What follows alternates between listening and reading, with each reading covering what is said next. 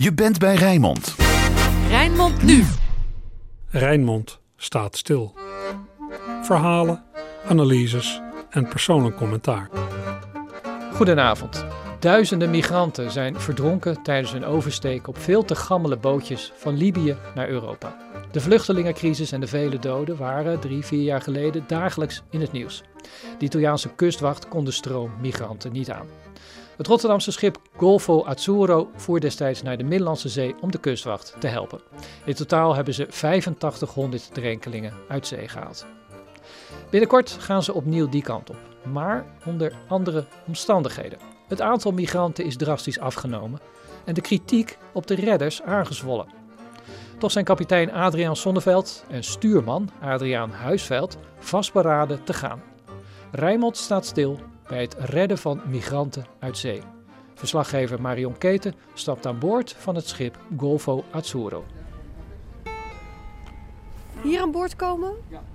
Toch altijd eventjes weer uh, zeebenen testen dan, hè? Je kan omdraaien. Omdraaien. En dan achterstevoren de trappen. Geloof nou, het is vochtig. Dus daar moet je heel voorzichtig mee wezen. Vooral met mijn been natuurlijk, hè? Anders spring ik zo aan boord. Dat maakt me niet uit vroeger. Zo, kijk. Uh, nou, eentje. Ja, aan boord van de Golfo Azzurro. Zo is dat.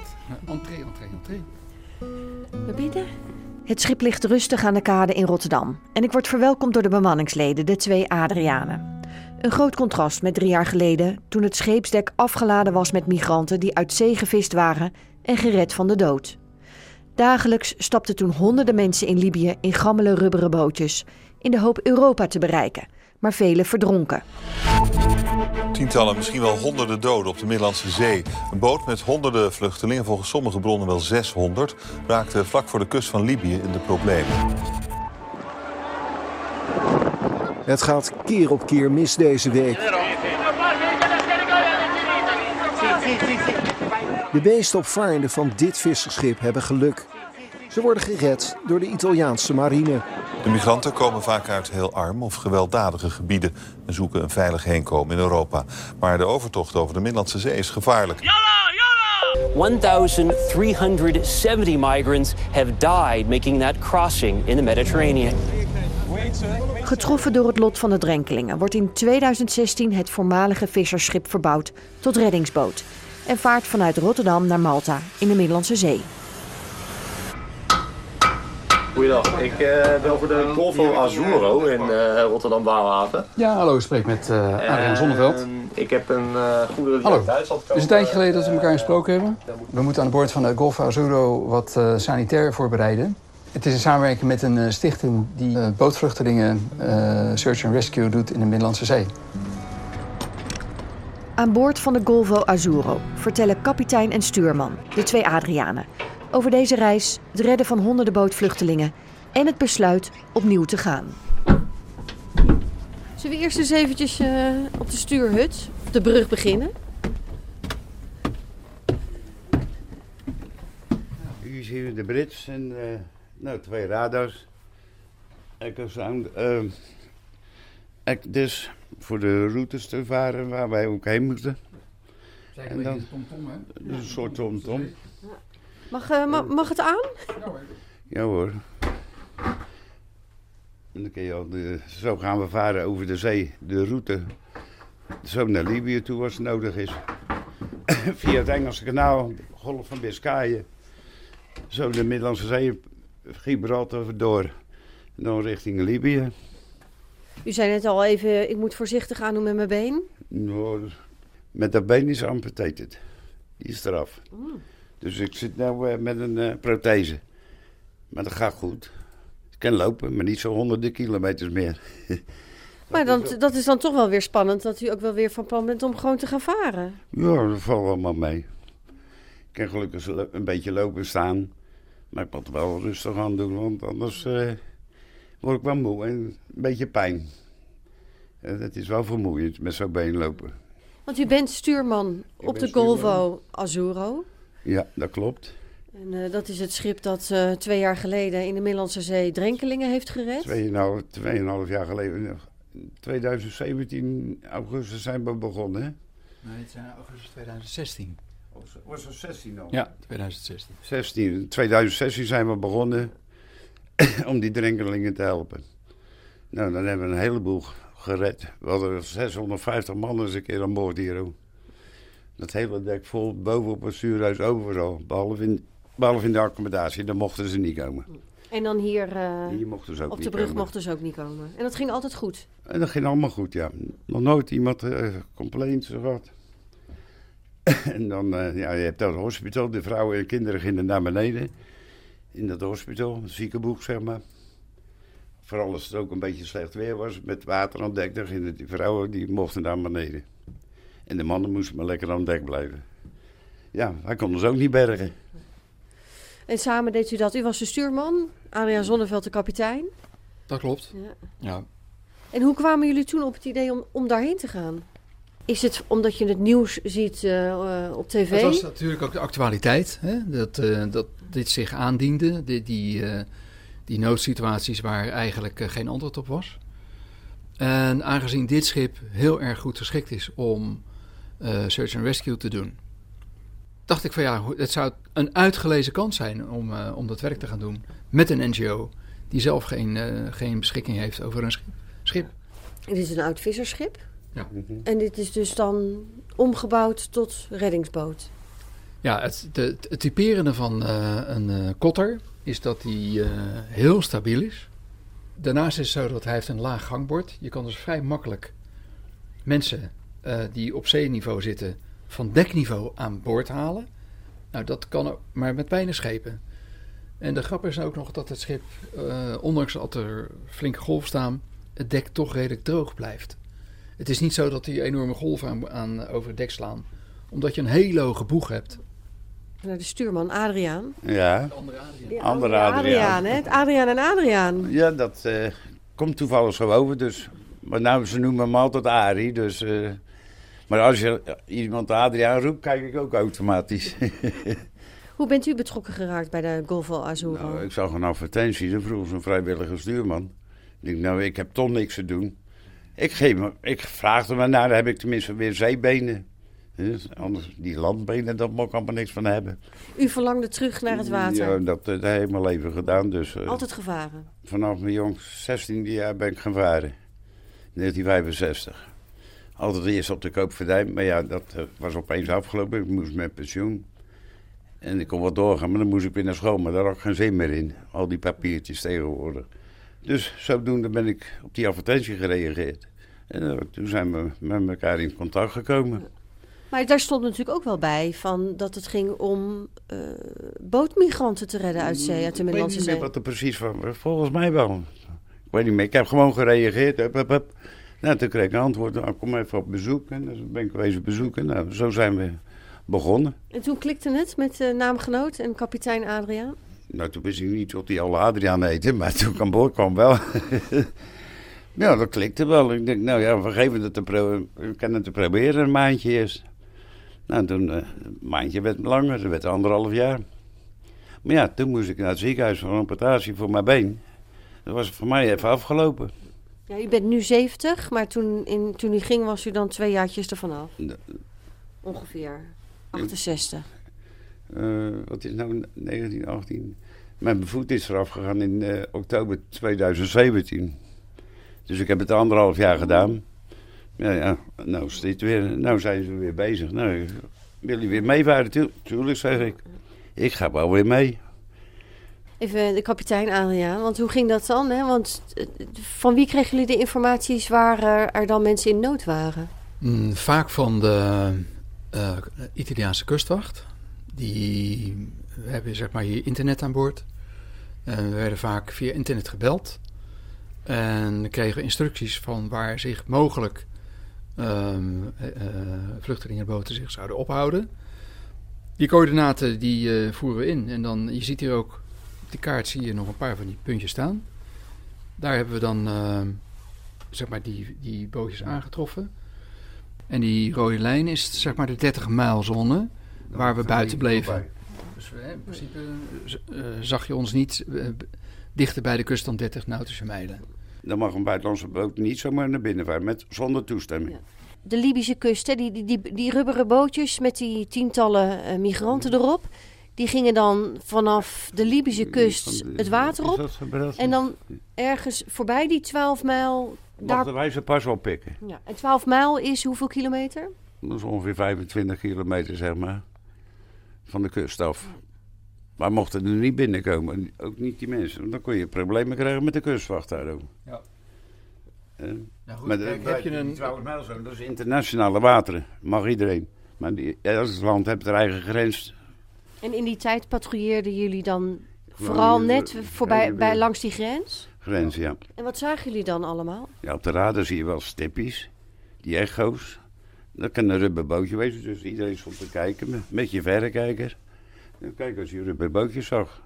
S'nachts zie je ze natuurlijk niet. Want die, die dingen zijn zonder licht. Maar ja, dan zie je Maar ze gingen wel altijd s'nachts waarschijnlijk eh, het water op. Wat we hoorden, gingen ze s'avonds pas weg. En s'morgens konden wij ze oppikken. Dan zaten ze net alweer bij, boven die 12 mijlgrens. Ze hadden met hun rubberen bootje, waar hadden ze heen willen gaan? Naar Lampedusa. dat zou dan het eerste ja. Italiaanse eiland zijn. Het eerste Dat, eh, stukje. Europa. Ja, daar, ze- daar werden ze naartoe gestuurd, zogenaamd. En hoeveel kilometer is dat eh, eh, Dat is vanaf 100 Libië? 100 107 geloof ik. Nou, ik kan het je vertellen. Dat is, ehm, als we kijken vanaf de kust, hè, want vanaf Sabrata Mm. gingen eigenlijk wel de meeste weg. En die gingen, gaan dan naar Lampedusa. Nog 100 mijl. 160 nautische mijlen. Ja, dat is van de, wel- wij moeten die eraf rekenen en dan wat eraf halen. Nee, van, ku- van kust tot kust. Van kust tot kust, ja. Kijk, en dat is dus... 160 nautische mijlen zijn. Hoeveel, ki- Nautische mijl, hè. hoeveel kilometer is dat? Dat is pakken bij 230 eh, kilometer. En dat hadden ze in zo'n rubberen bootje Nou, dat- eh, moeten dat- De overbruggen. kans, dat je, de kans dat je dat haalt, is minder dan 5%. Met weeromstandigheden en de benzine en de lekke bootjes. Als ze lek zijn, dan komen ze nergens. Echt, als je die boot ziet, dan, Ja, dan denk je, die ja, die, je, je durft er niet in te stappen. Eh, als je niet, eh, bij wijze van spreken, binnen vijf minuten weer terug kan zwemmen naar, naar de kust. Zo onveilig ziet dat eruit. Maar het waren er in die tijd, in 14, 15, 2016, waren het er honderden, duizenden. Ja, Ja, maar ja daarom. zijn 120 man op zo'n bootje. Hè? En dan, als je nou de 10 hebt, dan heb je al 1200. Sommigen hebben, ze- was wel eens een dag tot 5000 migranten gered zijn door al die NGO-schepen. Dat was op één dag 5000. Nou, dat is heel wat. Do you have a count on them, maybe, or estimation? At least 100 people. Sorry? At least 100. At least 100. Yeah. Our crew on the front, their crew on the front. That's not working. Could you please close all the outer doors and then stand by at the stern to help load the life jackets into the rib? Thank you. Roger. We hebben in die tijd ook veel tragische berichten gehoord dat er soms honderden verdronken. Dat hoorden we ook, ja. Dus, ja, iedereen houdt contact, hè. Als jullie daar niet gevaren hadden, of als de Italiaanse kustwacht daar niet had gepatrouilleerd, dan hadden ze geen schijn van kans. Nee, dat klopt. Wisten ze dat?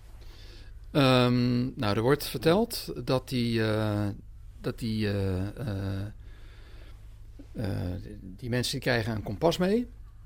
Een soort Chinees kompas. We hebben er een paar ook gezien. Het zijn allemaal dezelfde. Ze hebben een, een motor, een, een nieuwe buitenboordmotor vaak erop zitten van 40 pk. Twee takt. En hebben ze vier jerrycans. Ik denk dat er 60 liter per stuk in zit. En daar zouden ze het theoretisch mee moeten kunnen halen. Maar ja, de zee is natuurlijk niet eh, altijd glad als een spiegeltje. En het kan ook wel eens hard waaien. En dan kan jij met je 40 pk met 120 man in een rubberboot sturen wat je wil. Maar je gaat niet de kant op die jij eh, voor ogen had. zo licht, dus het gaat, gaat niet vooruit. Die Nee. golven duwen weer terug. Dat is het. Dat is ook zo'n bootjes. Is dit een foto die u zelf heeft gemaakt? U pakt Ja. u een smartphone erbij? Nee, die heb ik eh, zelf gemaakt, die foto's. En, eh, er zitten, eh, hier zitten 120 man ongeveer op. En dan zie je dat. Dat is de rib die ze ophaalt. Weet je wel? De reddingsboei. De reddingsboot. Boot. Sloep. Reddingssloep. en zo kwam ik. Hier is baby's geboren. En al die foto's heb ik allemaal zelf gemaakt. En er zijn dan die, die vrijwilligers waar maar contact mee hebben. En Zo zie je wat er allemaal gebeurt. Honderden foto's. Ik denk dat deze mensen wel blij zijn tot ze gered zijn. Zo. Hallo, hallo, hallo. God bless Italia. Het zijn vaak maar stipjes op de radar die de bemanning waarschuwt dat er weer een rubberen bootje in aantocht is. En toen zei ik van, weet je wat, Laat, we, zijn, we zijn hier nou toch nog, we gaan erheen. Dus, en toen bleek dat dus ook een bootje te zijn met 120 man erop. Zo'n uh, opblaasboot, zeg maar. Als wij die toen niet aan boord hadden genomen en niemand wist, er was geen melding, was, niemand was, wist ergens wat van, dan waren die mensen allemaal verzopen. Want, uh, want vier uur later stond er twee uh, meter golven. Nou, dat overleef je nooit met zo'n ding, met zo'n bootje.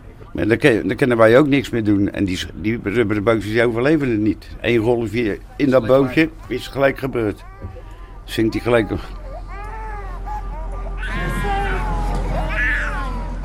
Het zijn mannen, vrouwen, kinderen en baby's. En ze zitten vaak opeengepakt in opblaasbootjes die water maken.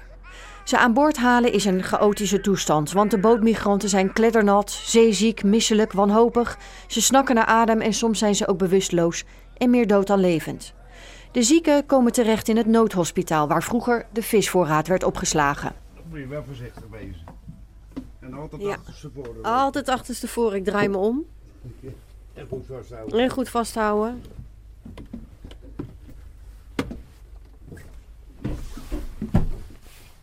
Oh, dat is een beetje zwaar. Ja, ja, die moet ik even open... Open te zijn. Duwen. Trappen. Nou, dat kan ik niet meer. Dan zijn we hier in de ziekenboeg, wat dat oude visruim vroeger geweest was. Hier lag eerst al de vis. En nou, nou hospital geworden. Een beetje geïmproviseerd, hè? Ja, het is nog niet helemaal klaar, hè. Zal er nog wel eh, wat moeten gebeuren, denk ik. Twee brancards. Ja, de voorkeur gegeven om hier meer ruimte vrij te houden. Om migranten of vluchtelingen hier naartoe te brengen. Ehm, want als het zeg maar eh, slecht weer is en je hebt 50 man en je, je hebt de binnenruimte, dan kan je ze beter binnenzetten. Kun je ze binnenzetten, ja. Maar, maar- want bij de vorige reis bleven ze gewoon op het dek, dag Ja. en nacht. De vrouwen en kinderen zaten dan meestal hier in het hospitaal. In het hospitaal. Ehm, maar de rest dat zat gewoon aan boord. En bovendien de aantallen, dat waren er honderden. We hadden er meer dan 600 aan boord. Ja, dat kan je ze hier niet allemaal zetten. En de, de, vrouwen, de, vrouwen en de kinderen allemaal zoveel mogelijk naar beneden. En dan kwamen ze nat aan boord. Ze- Op het zon- dek. Nat aan boord, zonder kleren aanstaan. Hoe, hoe is de temperatuur in de Middellandse Zee? Nou, dat is wel vrij goed. Nog 20 graadjes, 25 graden daar, misschien wel iets heter Ja, op een soms. gegeven moment was het ook wel 30 en meer. Meer dan 30 graden in de zomer Ja. daar natuurlijk. Dus, En hoe lang deed je er dan over de reis om ze weer op de Nou, kust in eh, er- Sicilië te zetten? moest brengen rond anderhalve dag. En Nou, het S'nachts kan het ook wel koud zijn, denk ik, op het schip, op het dek. Ja, maar ze hebben allemaal van die eh, folie eh, jackets, wel, dat kregen ze dan allemaal. Die isolatiedekens. Isolatie, nou ja, isolatie, hoe heet die, die gele pakken? Ja, Die- zijn isolatiedekens. Ja, isolatiedekens, die weggooidingen. Maar daar bleven ze warm in. En hier, eh, dat waren allemaal vrijwilligers, ook het medisch personeel. Die ze Medisch dan hier de... personeel, de Medisch personeel, allemaal vrijwilligers. want ze kwamen ook wel ziek aan boord. Er kwam een heleboel ziek aan boord. Ik heb vrouwen gezien met brandwonden. En daar lagen ze dan dek, de dokter erbij. De brandwonden door die benzine, wat er in die rubberbootjes zat. Ja, door die hitte, dan verbranden ze. Nou, de vellen hingen eraan. Dat heb ik ook gezien, meegemaakt. Dus, eh, Zeeziek, in verwarde toestand. nou ja, ook dat. Maar eh, je had de verpleegsters aan boord natuurlijk, een paar dokters, al die vrijwilligers. En een dokter tot die gewoon vrijwillig meegaat. Hè. Die bleven dan 14 dagen aan boord en dan kwam er weer een andere ploeg. Zo wisten we elkaar om. Dus. Allemaal vrijwilligerswerk. En hoe kwamen jullie aan de medische spullen? Is dat Dat- allemaal ja, donatie? allemaal donaties. Wat ik gehoord heb van die eh, NGO's, hè, dat is allemaal donaties. De meeste kleren liggen daar al klaar. Mensen die aan boord komen, migranten, nou, dan hebben ze geen nieuwe kleren, maar toch goede kleren. Ja, want ze komen in. Ja, t-shirtje, korte broek. T-shirtje, zonder schoenen. Die is een als ze mazzel hebben. En wat hebben ze nog meer bij zich? Nou, het gros had helemaal niets bij zich, nee. Ja. Enkel de, de, de, de Syriërs die wij meemaakten, die hadden wel een tasje wel eens bij de. Maar die betaalden ook meer geld voor die Overtocht. overtocht. Maar die mochten dan een tasje meenemen en die kwamen nog wel met hun eigen kleren. Maar voor, de, voor die uh, anderen, die hadden helemaal niks. Geen paspoort, geen papieren, Ja, mobiele telefoon? Sommigen wel, sommigen niet. Dat legt eraan. Maar meestal niet. Helemaal niks. Helemaal niks. Zoek dan maar uit wie het is. Maar ja, goed, dat, deze maar aan de wal. De Rode Kruis kwam altijd aan boord als we binnenkwamen. Er stond een hele ploeg met rode bu- ambulances en de Rode Kruis tent opgezet. Nee, als we de wal gebracht werden. En waar kwamen ze allemaal vandaan? Hadden jullie daar enig idee van? Oh, alle landen. Van Nepal, van Bangladesh, Iran. Nou ja, en Afrika, al die landen. Eh, Sierra Leone, eh, weet ik het allemaal. Eh, Ghana, heel veel uit Ghana. Marokkanen. Als, al van al die landen daar uit die buurt. Maar ook mensen die eh, van, Ne- van Nepal af. Die waren twee, drie maanden onderweg om naar Libië te komen. Lopend, hè. Eh, dus dat hoor je dan, die, die verhalen. Want konden jullie af en toe een praatje maken met ze? Ja, als ze Engels konden wel. Dus ik praat niet hun taaltje. Dus als er iemand was er wel eens die Engels sprak, nou, dan kon je wel eens een praatje maken. En wat herinner je je nog van een dat gesprek van die tijd? Ik weet niet meer wat ik allemaal gevraagd heb. En Dat vergeet ik maar. Mm. Er was wel een mooi verhaal van een, eh, iemand uit Syrië. Die, die was, eh, was een collega van je. Die was eh, journalist. En die, nou ja, die was kennelijk iets, te- iets te kritisch geweest tegen eh, de overheid daar. En die is met zijn heel zijn gezin gevlucht. Eh, met auto is hij naar, eh, uiteindelijk naar Egypte gegaan. In Egypte heeft hij zijn gezin in een appartement gezet. Hij had zeg maar gelukkig nog wat geld dat hij dat allemaal kon doen. Heeft hij in een buurland van Afrika daar een ticket gekocht. Daarmee is hij naar Libië gegaan. En heeft hij daar weer, ik geloof zelfs 3000 euro moeten betalen. Om samen met 70 anderen in een versleten houten vissersboot de oversteek te wagen. Nou, die kwamen wij toen tegen, uiteindelijk. En die hebben we alle, alle 70 aan, eh, aan, eh, aan boord genomen. Maar dat, je hebt dus verschillende categorieën van wat, daar, wat je tegenkomt. Mensen die echt helemaal niks hebben, nooit iets hebben gehad. Nou, dat zijn meestal de mensen uit Ghana of andere arme Afrikaanse landen. En wat uit Syrië kwam, wat eh, mijn naamgenoot al zei, die hadden vaak meer geld. Dus die konden ook spullen meenemen. En ehm, nou, nu in dit geval had die man alleen de oversteek gewaagd. Gevraagd asiel aan en laat dan zijn gezin overkomen. Dat is wat hij voornemens was te doen. Maar hij zei al gelijk van ja, als ik van tevoren had geweten dat het zo zou gaan, nooit geen haar op mijn hoofd die dan dat besluit had genomen. Dus hij heeft er achteraf geen spijt van omdat hij het heeft gehaald. Hij heeft het leven eraf van afgebracht. Maar hij zei van ik dacht echt dat mijn laatste uur was geslagen. Dus nou ja, dus dat zijn verhalen die je dan wel eens hoort. Wat je zomaar even naast je neerlegt, dat is zeker niet zo. Nee, dat blijft bij je. Dit, dit is de rest van je leven. Dit, dit ga je nooit vergeten. Dat is niet dat zeker is. En de Syriër, 3000 euro had hij betaald voor Ja. een overtocht met dat rubberen bootje? Nee, dat, hij had dan die versleten eh, vissersboot. was een houten boot. Maar dat was 3000 euro alleen maar voor in die boot te stappen. Daarvoor had hij al duizenden euro's uitgegeven om een ander ticket te kopen, zodat hij uiteindelijk op de plaats terecht kwam van waar hij kon vertrekken. Welk verhaal is hem verkocht? Eh, Ik bedoel, want achteraf had hij zoiets van... het is een veel te gevaarlijk eh, bootje waar ik in ben gestopt. Ja. Die smokkelaars niet. Het is een gevaarlijk bootje. Want dat hoorde ik ook van die andere mensen. Die betaalden 4.000, 5.000 euro of dollar om over te steken. Anders is het- die moesten ook betalen. Die moesten geld lenen van de familie waar ze ook vandaan komen. Om proberen naar Europa te gaan, om werk te vinden. En dat konden ze hun nu weer terugbetalen aan de familie. Zo zeiden ze het ook een beetje. En die smokkelaars die wisten het zo te verkopen van... eh, dat komt wel goed. Dat komt wel goed. Ja, je haalt het wel. Het is niet zo ver. Ja. Eh, je kan zo oversteken. En dat geloven ze allemaal. Nou ja, daar komt bij dat, dat eh, ze hadden dan een wel iets betere vaartuig dan die mensen die helemaal geen geld hadden. Want die mensen die helemaal geld hadden, die moesten dan uiteindelijk toch nog 300 euro bij elkaar zien sprokkelen. Of 300 dollar. En dan gaan ze met z'n 120 in een opblaasboot zitten. Ja, daar maak je dus echt geen schijn van kans, wil je, de, wil je die overtocht redden. Met zo'n oude vissersboot, die is zeewaardiger, stabieler met 70 man erin. Dat zou theoretisch nog een kans maken dat je dan uh, Lampedusa haalt of, uh, of Malta. Wij hadden in het nieuws wel meerdere keren dat er heel veel mensen verdronken in de Middellandse Zee. Ja. Is dat nieuws dan niet bij de, de migranten terechtgekomen die dan nog die oversteek ja, daar, dat waagden? Maar, geven ze toch door, het is toch gevaarlijk. Ja. doe het niet. Doe het niet, maar ja, je wordt belazerd. Die mensen die daar eenmaal zijn verzeild, die hebben die keuzevrijheid niet meer. toch blijven nog komen uit die landen. De, nee, ik, heb begrepen dat dat nu, zeg maar, zoveel mogelijk wordt gestopt. Nou.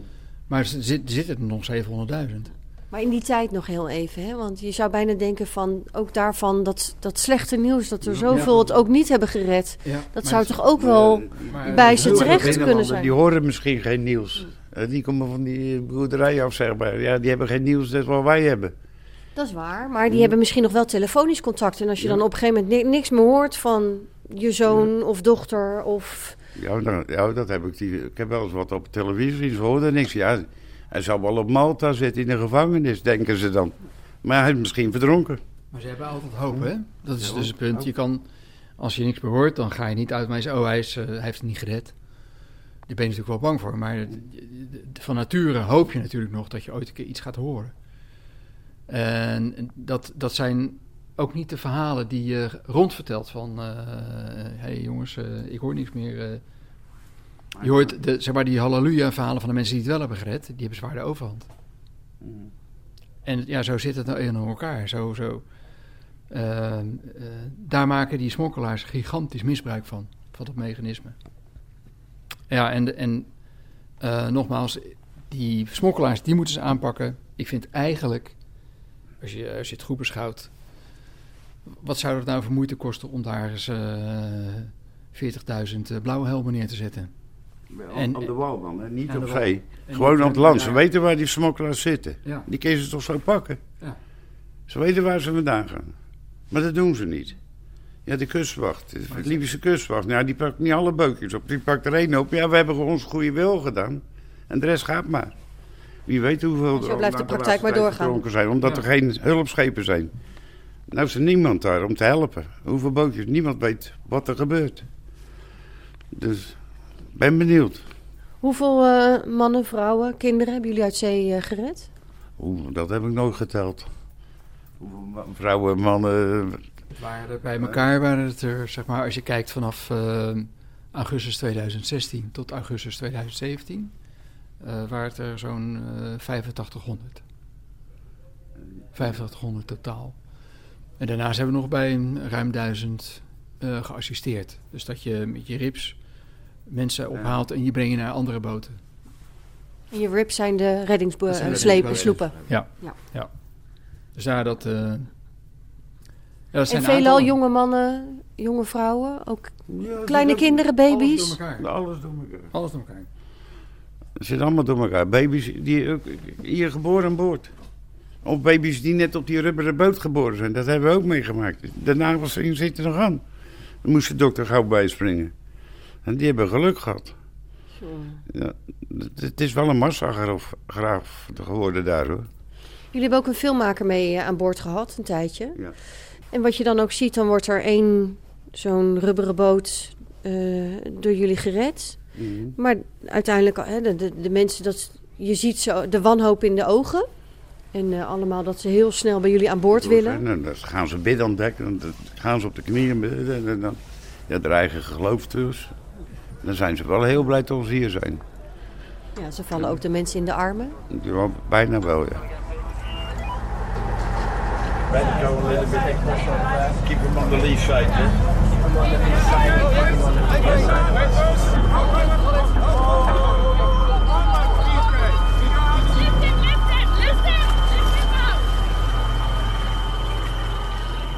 is ook hartverscheurend wat je nog verder in het rubberen bootje ziet... dat een aantal mensen het niet heeft overleefd. De drijver lijken in het lekke bootje. Die moet je ook meenemen. En dan weer, die doe je dan in, in die zakken.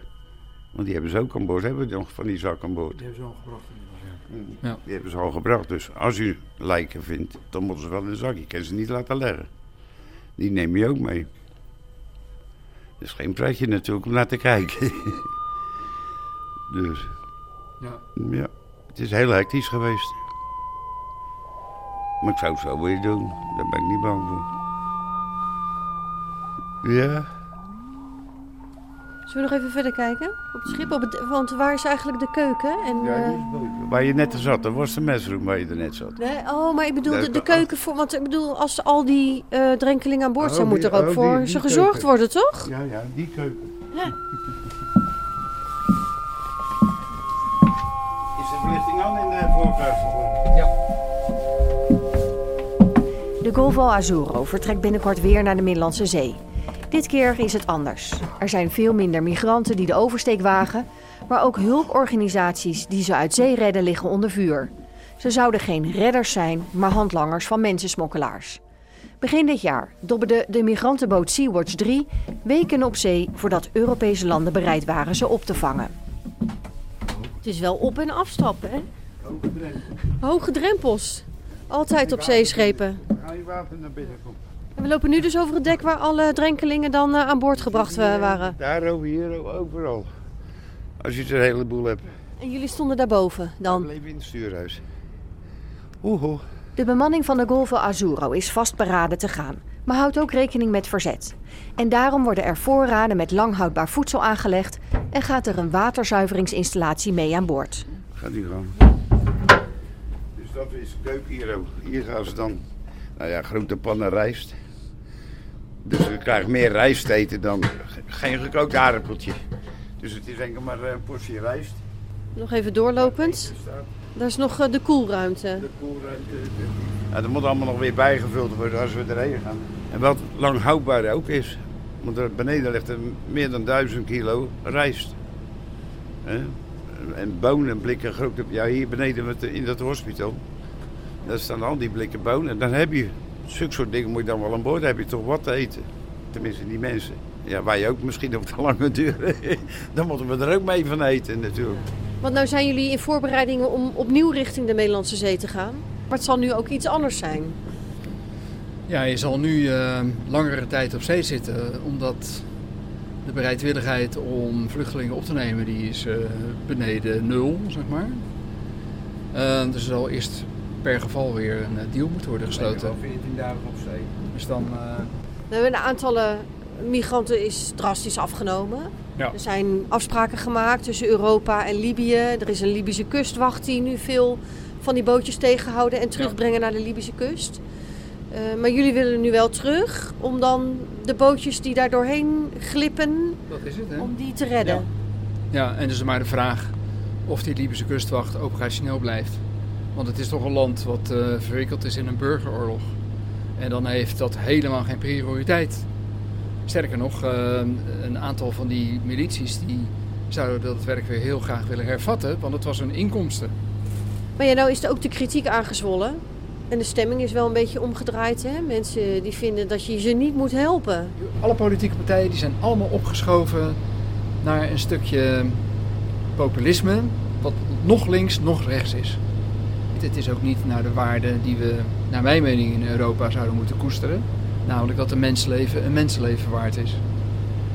En hier toch met het grootste gemak wordt er overheen gepalst. En nou goed, als wij nu zo- zorgen dat die NGO's niet varen, dan gaan er nog 50.000 de pijp uit.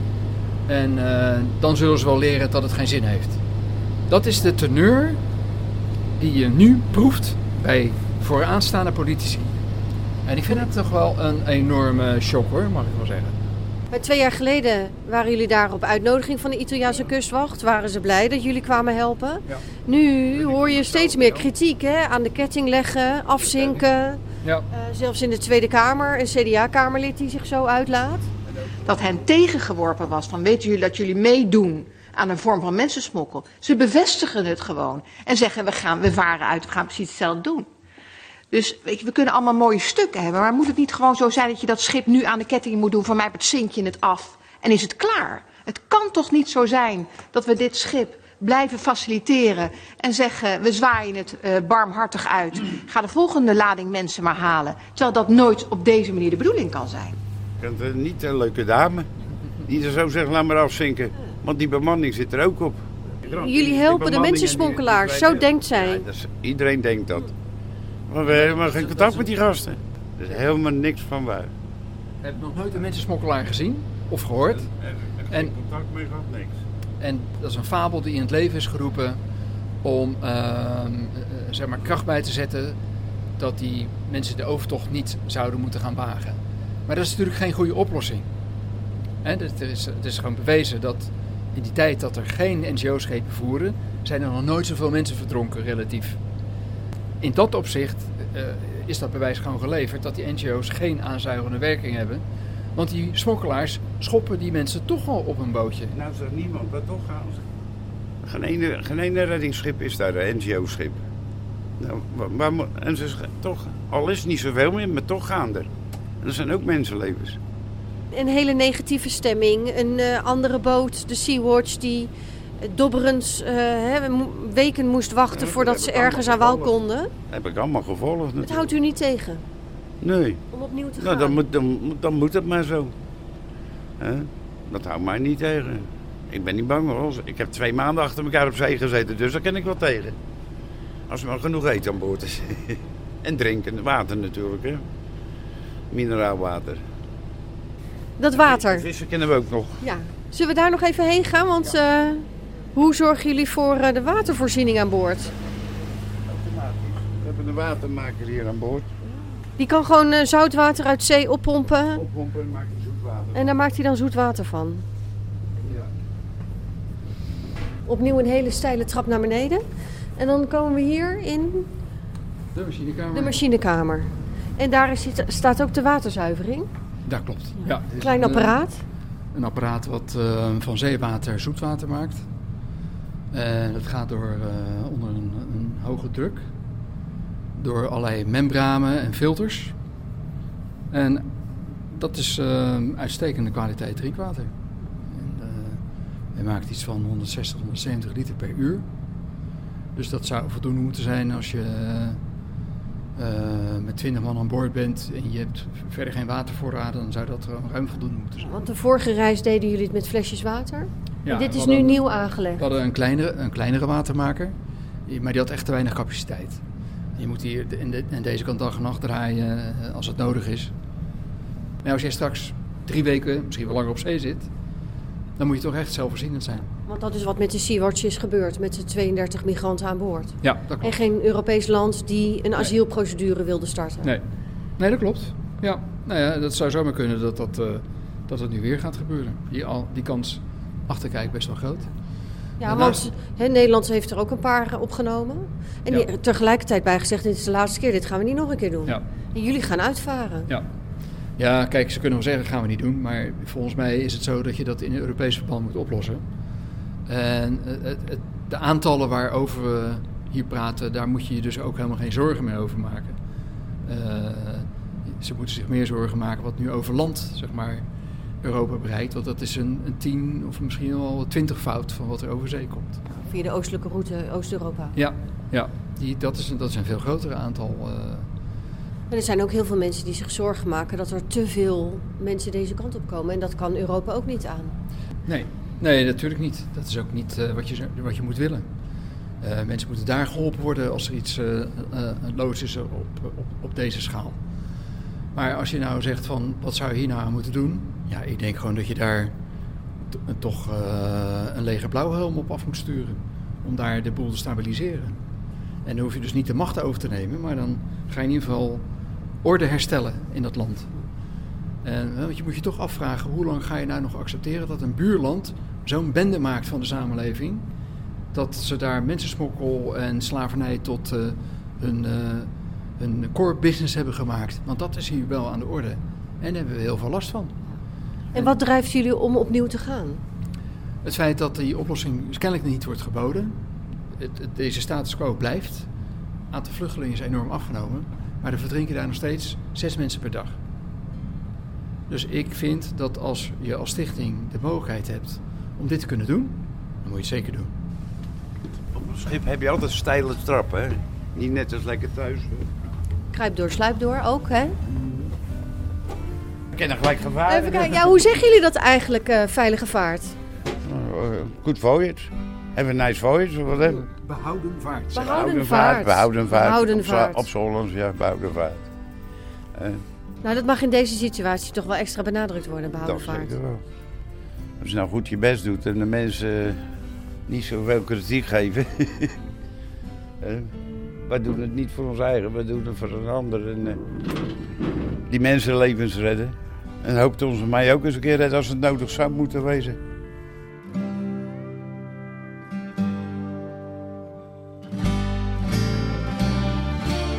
Een behouden vaart voor de bemanning van het Rotterdamse reddingsschip Golfo Azzurro. De 58-jarige kapitein Adriaan Sonneveld en de 70-jarige stuurman Adriaan Huisveld.